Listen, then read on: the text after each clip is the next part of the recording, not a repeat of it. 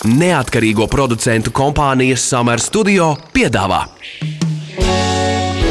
Ķepa uz sirds par viņiem, mūsu pašiem labākajiem draugiem. Raidījumu atbalsta Borisa un Ināras Teterevu fonds. Labdien, labdien, mīļie ķepa uz sirds klausītāji! Mani sauc Inese Kreitsberga, esam Latvijas Rādio 1. Sveicināti! Arī Magnus Eriņš ir šeit, un mums kārtējo reizi ir jāstāsta jums svarīgas, svarīgas lietas, kas saistītas ar mājdzīvniekiem. Uh, Magnus atnāca tāds diezgan salīs. Šodien Rīgā mums lietus līst. Un uzreiz jādomā, nu, ka klausieties, tā kā nu, rudens jau tuvojas. Nu, negribas jau tik ātri, ka tas notiek, bet tas tuvojās. Un ir tāds teiciens, cāļus skaita rudenī. No kurienes tāds vispār teiciens, Magnus, esi dzirdējis? Paldies Normūdam Rutulim, man šķiet. Ak, jēl, nu labi, lai nu būtu.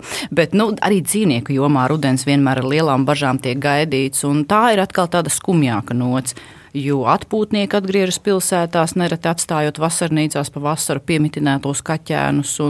Tāpēc, ka domā, laikam, uķi puķi, kamēr maziņš, tad ir labi, bet izaug liels, redz, vairs nav vajadzīgs. Facebookā un sludinājumu portālu lentes ir pilnas ar atdodu labās rokās, bet cik ir limits tām labajām rokām? Droši varam teikt, ka Latvijā ir dzīvnieku pārprodukcija, un katru gadu patvērsmēs visā Latvijā nonāk ap 3000 dzīvnieku. Nevienam nevajadzīgu dzīvnieku. Mums ir svarīgs jautājums. Jā, un ko tad darīt? Kurš par to ir atbildīgs? Par to runāsim šodien ar dzīvnieku glābēju, patvērsmes ķepu ķepā vadītāju Gundegu Bideri. Sveika, Gundega! Sveiki!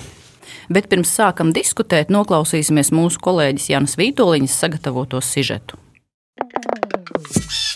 ķepa uz sirds skaidro faktus. Veterinārā ārste Anna Augustova savā praksē novērojusi, ka vīriešu kārtas mājdzīvniekus nereti saimnieki nevēlas kastrēt, jo uzskata, ka tas aizskar suņa vai runča vīrišķo godu. Tomēr galvenokārt iemesls ir viens. Viņi paliekot resni un slinki kā lai pasaka, ļoti daudz nekastrētu dzīvnieku, kuri arī ir nobarojušies resni un slinki, jo viņiem nav nodarbes. Protams, ka pēc kastrācijas un sterilizācijas vielmaiņa ir lēnāka, tas ir neapstrīdami, un, un tāpēc ļoti daudz gan komerciālās, gan arī svaigbarības uh, receptes, kuras ir paredzētas tieši sterilizētiem dzīvniekiem. Savukārt kaķu un suņu meitenes bieži netiekot sterilizētas ļoti sena un nepatiesa mīta dēļ. Vajag obligāti vienreiz ļaut piedzemdēt, un tad pēc tam var sterilizēt. Nu, kad nebūs nekādas tur uh, iekaisumi un, un audzēji, respektīvi, sieviešu veselības līnijā, šo mītu pilnīgi droši var apgāzt visi kolēģi. Statistika ir bēdīga, un tā ir apmēram 70% tiek pēc tam dzīves laikā lielā vecumā ir jāsterilizē, ir jāoperē, jo nu, tas ir jau dzīvības un nāves jautājums reizēm. Nelielā eksperimentā raidījums ķepa uz sirds atsaucas uz vairākiem sludinājumiem, kur piedāvā labās rokās atdot jaukus, draiskus, mīļus, bezšķirnes kaķēnus. Mūsu interese - kaķu puika, taču ne tūlīt, bet pēc kāda laiciņa. Jums būs varbūt vēl kāds metiens. Nu, nezinu, kad viņš būs. Gribu sterilizēt kaķeni. Kas tā pa šķirni? E, mama ir sieniete un paps ir vienkārši balts, nu, balts kaķis tāds. Tie ir lauku kaķi, bet ļoti mīlīgi un peles ķers. Jā, mēs tā kā gribējām parastu īstu lauku kaķi, bet mazliet vēlāk varbūt būs kāds vēl kāds metiens tur, neziniet. Nē, es domāju, ka es jau gribēju šo jau, kā saka, beigt, bet nepaspēju, jo viņi nezinu, kur laika jau bija apbērnojušā. Man ir divas gabalas, un es viņas gribu sterilizēt, tāpēc, ka nu, šogad ir ļoti ražīgas. Jau otro reizi, man jau bail, ka nesanāk vēl trešo reizi. jo vīrs teica, ka visiem kaķiem man uz jūras skolā šūtīt. Veterinārā ārste Anna Augustova strādā mazpilsētā un ir pārliecināta, ka saimnieku interese par mājdzīvnieku sterilizāciju un kastrāciju ir tad, ja šai procedūrai nav jāvelta ilgs laiks un jāmēro tāls ceļš līdz vetārsta kabinetam. Lauku reģionos to es domāju, ka tur man viss piekritīs, ka uh, tas viss ir atkarīgs no pieejamības. Nu, Latgals pusē Tur arī kolēģi, jā, viņi saka, nu, līdz kamēr mēs tam nebijām, visiem tas bija vienalga, bet ja jau mēs te esam, tad jau viņi var arī atnākt. Dzīvnieku labturību, tostarp nekontrolētu dzīvnieku pavairošanu, uzrauga pārtikas un veterinārais dienests. PVD veterināro objektu uzraudzības daļas vadītāja Mairita Rieksniņa stāsta, ka inspektori reaģē tad, ja kāds ziņo par kārtējo kaķu pulciņu, kas uzradies kaimiņu kaķenei. Izkontrolēt visus iespējamos sludinājumus, kur tiek piedāvāti mazi bešķirnes kaķi vai suņi, nesot iespējams. Nu, mēs nekādīgi nevarēsim pierādīt, ja mēs aizējām pie kāda dzīvnieka īpašnieka un viņam šie eh, kaķēni ir. Ja mēs tur nebūsim bijuši kaut kādus divus, trīs mēnešus atpakaļ, piemēram, un konstatējuši atkal tai pašai kaķenei eh, vēl iepriekš metienu, ja, Ja mēs šos faktus piefiksējam un konstatējam, eh, tad arī tiek piemērot šī administratīvā atbildība. Bet statistika, kas attiecās uz tādu sodu konkrētu piemērošanu, tāda, diemžēl, mums šobrīd nav. Nu, bet jūs kā kontrolējošā institūcija nu, jūtat kaut kādus varbūt likuma nepilnības, vai pat jums pilnvaru par maz ir? pilnvaras pārtiks veterinārijam dienestam ir pietiekoši un likumdošanā, jā, tur varētu atsevišķus punktus precizēt, lai būtu skaidrāk saprotams tiem pašiem dzīvnieku īpašniekiem, bet, nu, nekad nevarēs pārbaudīt visus dzīvnieku turētājus. Tur tā nezinu, cik lielam ir jābūt dienestam, lai apkarotu šādu veidu. Ķepa uz sirds - jautā ekspertam.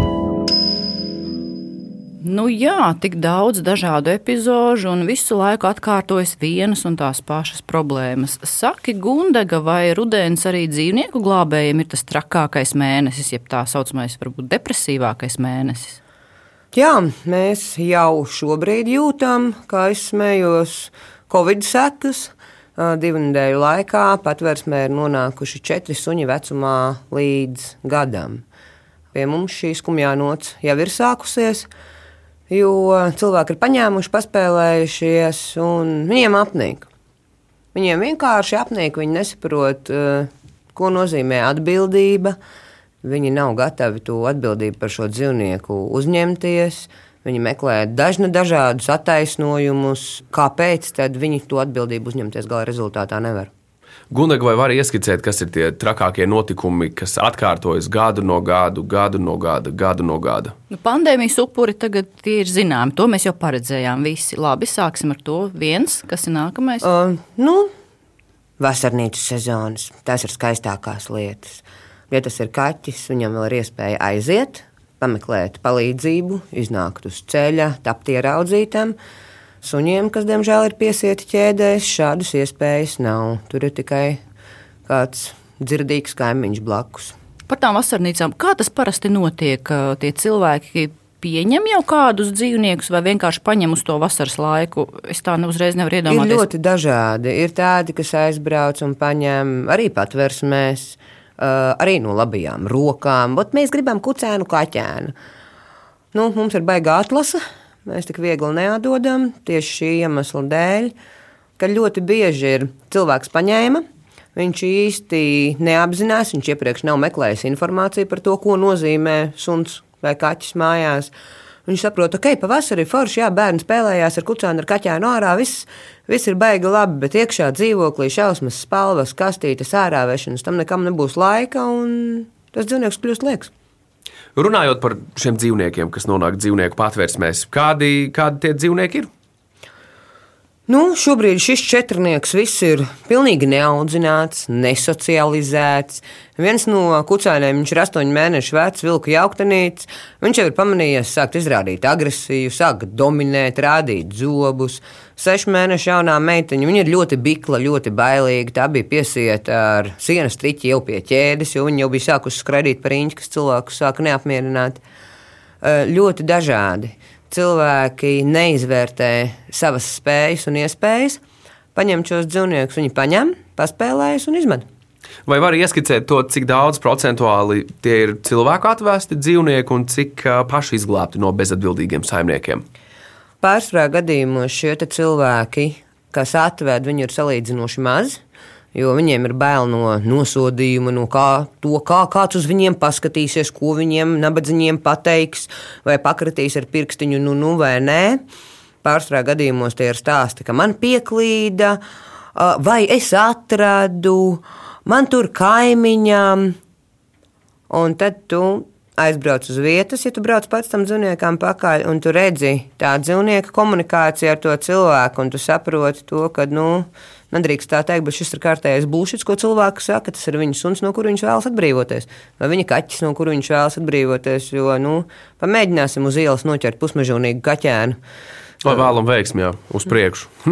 nu, tur jau ir tas stāsts ka tas pārsvarā gadījumos ir gan sāpīgi, ja to nemāki izdarīt. Un ka man cilvēks saka, ka viņš ir noķēris kaķēnu, viņš ir baigais mežonis bijis. Viņš divu dienu laikā ir pārvērtis murājošā miļkaķī, kas perfekti apmeklē kaķu kastītī, māca asināt nadziņus paredzētajā vietā un nē, tikai konkrēts firmas barību. Nu, Man sāk nākt smieklīgi tādās situācijās. Gundek, bet tu gribi vienlaikus. teikt, ka šie cilvēki, nu, samelojot, ka tas ir pieklīdis suns vai kaķis, pilnīgi mierīgi tev atdod šo dzīvnieku. Tas nekas, ka tas kaķis vai suns skatās atpakaļ, meklē tā saimnieka acis. Tam cilvēkam ir viena alga, ja, ja kaut kas tur viņam ietrīsās, ja viņš ātri izskrien prom, lai, lai nezinu, nenodotu sevi. Gan bieži tas ir ātri, viņš atved, dod suni un aizmūk. Bet ir tāds moments bijis, nu, varbūt epizode kāda, kur tas suns, nu, sunim jau visvieglāk šo uzvedību var nolasīt, nu, ka viņš tomēr luncina to asti un viņš tā kā piekļāvies vai, vai tam saimniekam savam, tas saimnieks vienkārši vēsā mierā atdod. Jā. Jā, ir bijis situācijas, kad mums lūst sirds, ka suns lec apakaļ, ķilkst, nenāk kopā ar mums pavadā, griežās pa 180, ceļās divkājās, smilkst, reji. Mm. Cilvēks iekāp mašīnā un aizbrauc. Mums biežāk arī šiem cilvēkiem mājās ir ģimene un bērni. Un es tieši domāju, kādreiz, kā viņiem vispār tā pārdzīvot. Mājās atnāk, uztais vakariņas, noskatās ziņu pārraidi un iet mierīgi gulēt. Nu, tā acīm redzot, var. Empātijas trūkums. Visur kopā - ķepus sirds. Cik daudz šobrīd pamesto kucēnu, sevišķi kaķēnu cēlonis, ir nesterilizēt savu māju dzīvnieku? Cik tā problēma ir aktuāla? Viņa ir ļoti aktuāla, jo, ja tu gadu no gada tev ir vairākas kolonijas, kuras tu pats esi braucis, ķēris, sterilizējis, un tu zini, ka tur nav neviena nesterilizēta kaķa. Nu, tad katru gadu, kā kurā kolonijā, bet no diviem līdz desmit jauniem nesterilizētiem kaķiem parādās. Nu, no debesīm viņi nekrīt. Tā ir mūsu cilvēku bezbildība. Ļoti bieži ir Mums mājā kaķenīte piedzemdēja kaķēnus. Mums tagad arī izsaukumā ir šāda situācija, kad cilvēks otro gadu pēc kārtas savas kaķenes kaķēnus atdod uz patvērsni caur policiju, kā it kā pie viņiem izmestus kaķēnus. Ar kucēniem ir taisnība tas pēc cilvēks paņem sunīti, labās rokas, viss super, viss forši, piekarina kucu ķēdēm. Nu, viņi, protams, piedzemdē kucēnus, slīcināt žēl, kur nu vēl maksāt par sterilizāciju. Nu, tad tādus pašus nevakcinētus, nečipētus, blusēnus, tārpēnus viņš atdod pa konfekšu kāstu tālāk nākamajam cilvēkam labās rokās. Un tā tā ķēde, diemžēl, turpinās. Un bieži arī tas, ka cilvēkiem mājās ir runcis, nekastrēts, kurš tā kā vazājas apkārt pa perimetru, un bieži vēl tie saimnieki lepojas, cik tas runcis ir autoritāte, citus tur piekāvis kaķus, bet pēc idejas ja viņš jau staigā apkārt, mēs jau nezinām, cik viņš saražo kaķenēm tos nu, bērnus. Saimniekam vajadzētu palasīt ministra kabineta 268 noteikumus, Kādu kaķi sasniedzot sešu mēnešu vecumu, ārā var iet tikai tad, ja viņš ir sterilizēts un kastrēts. Nu, lūk, e, runājot par šo tēmu tālāk, e, vai tu vari ieskicēt par to, cik daudz kaķu gadā var saražot viena kaķene? Nu, viena kaķene vidēji dzemdē divas, trīs reizes gadā. Katrā reizē tie ir no 3 līdz 5 kaķēniem. Dzimuma briedumu viņi sasniedz 6 līdz 8 mēnešos. Tas nozīmē, krietni vien lielu ciparu no vienas kaķenes, kā no kuras gadā mēs varam dabūt 20, 30 jaunus kaķīšus. Protams, vēl šie te mazie kaķīši, puse pieņemsim, ir runcīši, un puse ir kaķenītes, dzimuma briedums sasniedz pirms sava gada vecuma, un tad tā ģeometriskā progresija ir reizinām reiz trīs, reiz četri. Faktiski viena kaķene piecos gados simts kaķēnus var sadzemdēt. Um, jā, ja ne vairāk. Ja reiz sāk rēķināt arī, ko piedzemdē klāt viņas bērni, Nu, tad no vienas kaķenes, jā, tad tur tā piramīda diezgan pamatīgi izveidojas. Viņi arī ļoti strauji, līdzīgi kā ar trušiem. Bet eh, labi par to, ka nesterilizēti kaķi nevar staigāt apkārt, tas ir skaidrs. Bet ko likums saka par cilvēkiem, kuri vairo šos kaķus un suņus nu, pašiem, kā ienāk prātā? Nu, pirmkārt, viņiem būtu jābūt izietiem labturības kursiem, par to, ka viņi ir apmācīti, par to, ka viņi zina, kā pareizi to darīt. Jo, nu, būsim reāli, nav liela māksla uztaisīt bērnus. Un nav starpība, tie ir suņi, kaķi, cilvēki, zirgi, jebkas. Ir liela māksla viņus izaudzinātu. Nu, tas nozīmē, ka viņam ir jāiziet labturības kursi, dzīvnieks ir jādod suns, tātad viņam ir jābūt čipētam, reģistrētam Latvijas datu centrā, saņēmušam vakcīnas. Kaķim tāpat ir jābūt vakcinētam, lai viņš varētu doties uz jaunajām mājām. Un arī ir konkrēts vecums, kādā tas drīkst notikt. Tiem ir jābūt sasniegtām vismaz astoņām nedēļām. Pirmo vakcīnu šie mazie kucēni un kaķēni saņem 6 nedēļās, pēc tam 9 nedēļās un pēc tam 12 nedēļās. Likumdošana ir pagājusi soli pretī. Šiem cilvēkiem ļaujot šos mazuļus atšķirt no mammas astoņu nedēļu vecumā, kas nozīmē tikai ar pirmo vakcināciju. Pēc tam jauno vakcinācijas schēmu tālāk uzņemās jaunais dzīvnieku īpašnieks.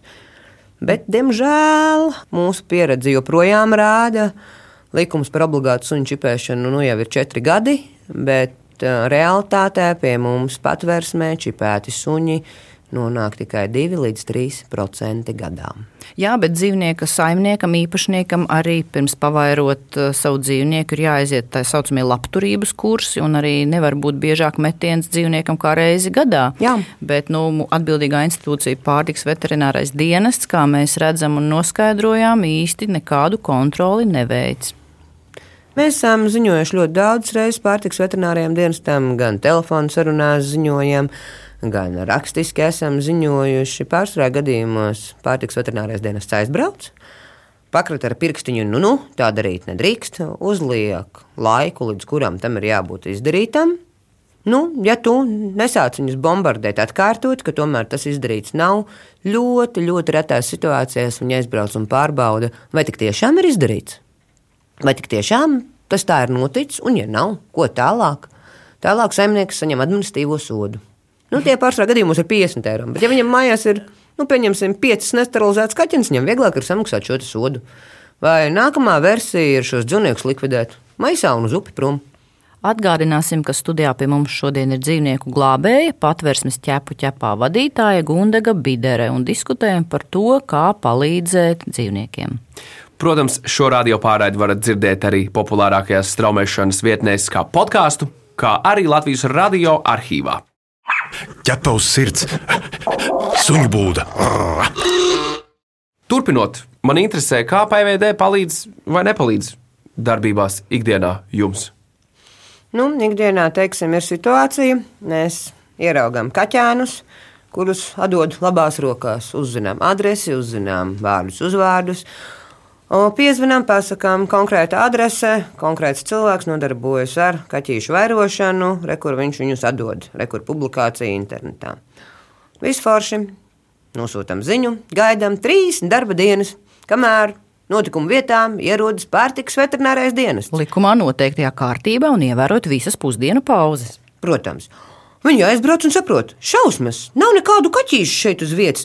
Tas ir viltus izsaukums, viltus ziņojums, nepatiesa informācija. Nu, liek piebilst to, ka kaķīši šo 30 dienu laikā jau ir sameklējuši savas labās rokas karsto pierādziņu formātā. Nu jā, tātad nav dzīvnieka, nav problēmas, un ar to arī pārtiks veterinārais dienests arī attaisnojās. Bet nu, ko tad mums darīt? No tā jau mēs nevaram vienkārši vienaldzīgi paiet garām dzīvniekam, kurš nonācis nelaimē. Un tad uzreiz ir jautājums, ko tad mēs kā cilvēki, sabiedrība varam palīdzēt, ja jau atbildīgā institūcija ignorē šo jautājumu. Man uzreiz ienāca prātā, piemēram, ja vazājas apkārt nesterilizēts runcis, piemēram. Mēs zinām, kur adresē viņš tā kā ir piederīgs. Bet teorētiski jau es varētu viņu paņemt, aizvest pie vetārsta, izsterilizēt un atlikt vietā. Kā tu domā par šādu risinājumu? Mēs šo risinājumu ieskām ļoti daudziem cilvēkiem, jo pēc likuma šis dzīvnieks atrasties uz ielas nesterilizētā, nekastrētā formātā nedrīkst. Tā tad ir likuma pārkāpums. Lai mēs šo likuma pārkāpumu pierādītu, ir ļoti daudz galvas sāpju un birokrātijas, kā rezultātā krietni vien lētāk un vienkāršāk paņemt kaķi, ielikt konteinerā, aizvest pie vetārsta, izkastrēt, pagaidīt, lai kaķis pamostās no narkotikas un izlaist viņu turpat atpakaļ. Nu, saimniekam būs neliels pārsteigums. Varbūt arī nebūs, bet varbūt šis teiksim, gājiens nav īpaši jāafišē. O, afišas mēs par to nekur īsti nekarām, bet, ja man kāds jautājas, šādi esmu izrīkojusies pats personīgi ar vairākiem kaimiņu kaķiem, kas nāk pie mums uz patvērsni mieloties un patrenkāt mūsējos, nu, vairs viņi to nedara. Viņiem vairs nav intereses. Jā, no, no malas var izklausīties, ka mēs kaut kā tādā veidā ar svešiem dzīvniekiem mēģinām cilvēkiem tā kā ieskaidrot, kā jādara. Nu, bet, ja cilvēks ir pats rīkojas pretlikumīgi, ļauj savam dzīvniekam nu, vazāties apkārt, tad īstenībā jārēķinās ar sekām. Jā, jo sekas šādai te viņa darbībai ir ļoti strauja geometriskā progresija, kā kaķīšiem, tā sunīšiem. Ko darīt savukārt ar lielo koloniju kaķiem? Visnotaļ pieteikt izsaukumu, ka konkrētajā adresē ir kaķi uz sterilizāciju. Mēs arī paši to varam darīt. Paņemt kaķi, iemānīt ķerambūrī vai pārvietojamajā konteinerā, aizvest, izsterilizēt un atvest atpakaļ. Kā rīkoties uh, situācijās, kad to varam pamanīt uz ielām? Piemēram, esmu redzējis, ka daudz piebarošos kaķus savu māju pagalmos. Tas ir labi, to turpināt darīt, vai tomēr ne? Tas ir labi, jo savādāk šiem dzīvniekiem īsti nav iespējas izdzīvot. Būtu vēl labāk, ja ar mājas vecāko varētu vienoties par konkrētu vietu, kur to darīt, lai pārējiem kaimiņiem par to nebūtu pretenzijas. Jo, kā jau mēs visi cilvēki esam dažādi, vietu, kur varētu ierīkot šīs kaķu mājiņas, tādējādi radot krietni vien skaistāku un sakoptāku teritoriju. Vēl par labajiem darbiem runājot, cilvēkiem, kuri vēlas palīdzēt šiem dzīvniekiem, vai, vai būtu jāmeklē mājas? Ļoti individuāli jāskatās pēc tā, kā šis dzīvnieks jūtas.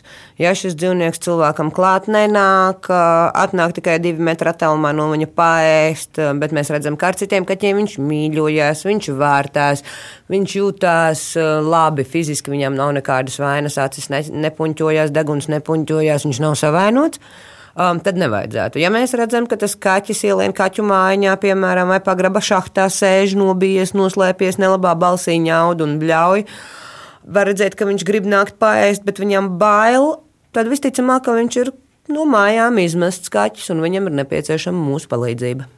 Jo, starp citu, jā, ir bijuši gadījumi, ka daudzi cilvēki ir teikuši, ka no īsta mežonīša uh, atrasta uz ielas ir izaudzis īsts mīļkaķis. Uh, kā tas ir izdevies? Ļoti vienkārši mums arī patversmē lielākā daļa kaķēnu, kas nokļūst, viņi nokļūst nevis pa taisno no cilvēkiem, bet caur ielu. Kā rezultātā aptuveni puse ir tādi, kas ir sociāli mīļi, kas jau paši glaužās kā mazulīši klāt. Otra puse ir tāda, kuru tu paņem rokās, un viņš tev kompostrē pirkstus, šņāc, rūtas, skrāpē, mēģina izrauties.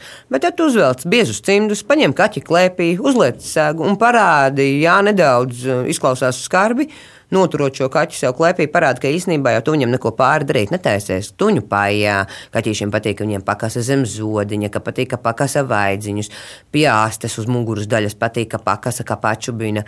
Viņš saprot, eju, tas cilvēks man rada baigi foršās, patīkamās emocijas. Viņš nav tik ļauns. Nākamais solis mēs varam paņemt kādu supergaršīgu kaķu kārumu vai gaļas gabaliņu sev klēpī un piedāvāt tam mazulim paēst pie mums no rokas. Mēs varam ar viņu paspēlēties, ir dažādi lāzerīši, ar ko to var darīt, kociņi ar pušķīšiem galā, interesēt to kaķēnu.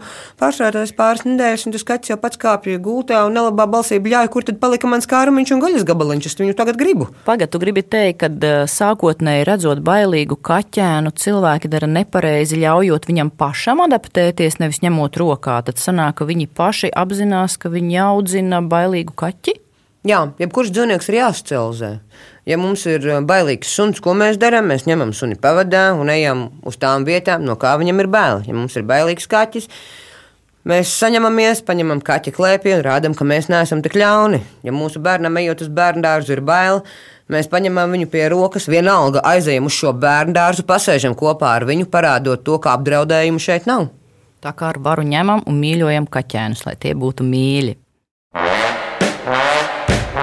Mūrāģam ķepa uz sirds.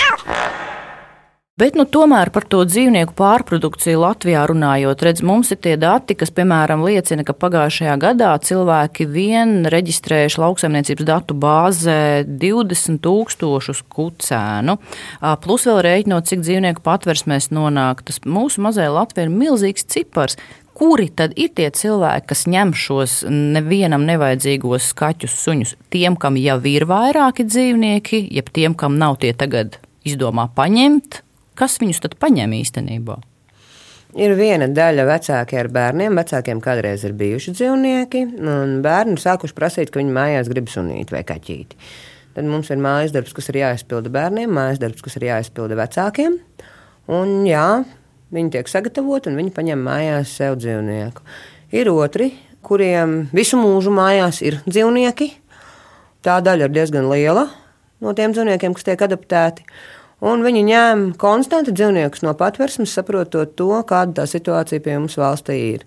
Trešā daļa, kas procentuāli ir vismazākā, ir tie cilvēki, kuriem kādreiz bērnībā ir bijis suns vai kaķis, un tagad nu, viņi izdomā šo dzīvnieku mājās paņemt atkārtoti ar šiem cilvēkiem darbs ir visvairāk, jo ļoti bieži viņi atcerās tikai to pozitīvās bērnības ainas, kā viņi ir skrējuši, spēlējušies, bet reālajā dzīvē viņi nav saskārušies un nesaprot, cik daudz rūpes, cik daudz reizēm arī finanses, cik daudz laika, kas ir pats svarīgākais, patērē šis suns vai kaķis.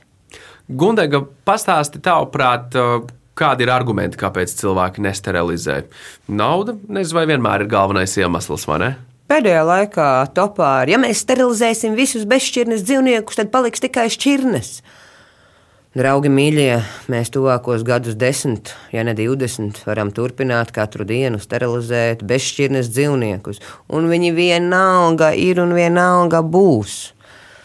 Nākamais ir kaķītim vai sunītim obligāti vienu reizi ir jādzemdē. Jā, to mēs dzirdējām arī sižetā, jo projām šis stereotips ir ļoti izplatīts. Jā, tad ir cilvēciskais slinkums un pofigisms. Ai, nu piedzemdēja, nu piedzemdēja, gan jau kāds paņems. Ai, nu nepaņēma, nu labi, palaidīsim, lai dzīvo. Kaķis tak pilns pagalms, lai tak skraida. Bet pagauna vēl tie cilvēki, kuri uzskata, ka viņu kaķītis vai sunīts ir tik skaists, ka viņam noteikti vajag bērniņus, un tad viņi bāžās visos sociālajos tīklos un paziņā, vai negrib beigās to kaķēnu kucēnu. Nu, nevajag nevienam, bet viņi bāžās, bāžās. Jā, jā tas ir vēl. Ir vēl viena uh, cilvēku grupa, kas uzskata, ja dieviņš ir devis kaķenītei dzemdēt trīs metienus gadā, tad kaķenītei obligāti šie trīs metieni gadā ir jādzemdē. Taisni tas pats ir ar suņu puikām, un šī ir grupa, kuriem iestāstīt uh, ar argumentiem to, ka tas būtu vajadzīgs un kāpēc tas ir vajadzīgs, ir nereāla misija. Diemžēl. Nu jā, bet kā cilvēkiem saprast, kur viņi tieši var palīdzēt. Un tas nevienmēr nozīmē, ka jāņem uz mājām un pašiem jāadoptē, bet kā viņiem saprast, kā viņi var palīdzēt. Jo taču sapro, saprotam tagad, ka uz atbildīgām institūcijām cerēt īsti nevaram. Kā mēs varam palīdzēt? Mēs redzam, cietsirdīgu izturēšanos pret dzīvnieku. Mēs atveram māmiņu Google, ierakstām burbuļu frāzi dzīvnieku aizsardzības biedrības. Tur izlaks ārā milzīgi garš saraksts kuriem var piezvanīt, lūgt padomu, kā rīkoties konkrētajā situācijā un piesaistīt kādas organizācijas pārstāvi viņiem tīri fiziski palīdzēt. Otrs, mēs redzam, dzīvnieks netiek barots, viņš karājās pie ķēdes. Mēs varam aiznest šim dzīvniekam paēst, aiziet, cilvēcīgi parunāt ar dzīvnieka īpašnieku. Varbūt viņam šis dzīvnieks nemaz nav vajadzīgs, un viņš nezina, kā no viņa tikt vaļā. Atkal atgriežamies pie pirmā punkta, piezinām pēc tam kādai no dzīvnieku aizsardzības organizācijām un palūdzam palīdzību, kur mums šo dzīvnieku likt. Mēs redzam savainotus dzīvniekus uz ceļa, mēs redzam klāju vardarbību pret dzīvniekiem, zvans. Pašvaldības policijai. Pēc valsts likumdošanas, Katrai pašvaldībai ir jābūt noslēgtam līgumam ar dzīvnieku ķērājiem un tātad patvērsmi, lai šis dzīvnieks nokļūtu drošībā. Un, protams, arī var ziņot mums, ķepai uz sirds, rakstiet mums info atķepa uz sirds.lv. Mēs katru gadījumu pārbaudām un arī izvērtējam, kā pareizi un ātrāk reaģēt. Tu esi mans draugs, ķepa uz sirds. Šajā reizē tas būs arī viss. Gundega, liels paldies, ka biji pie mums ciemos raidījumā ķēpa uz sirds un ceram nākamajā reizē tevi satikt un runāt par iepriecinošākām tēmām. Paldies, cerēsim!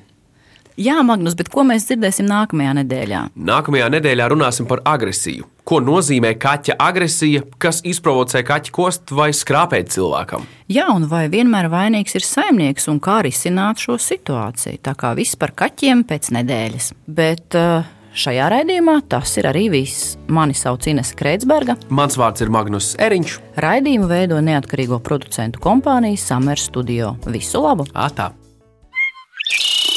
Ķepa uz sirds! Informatīvi izglītojoši raidījums par dzīvnieku pasauli un cilvēkiem tajā. Raidījumu atbalsta Borisa un Ināras Teterevu fonds.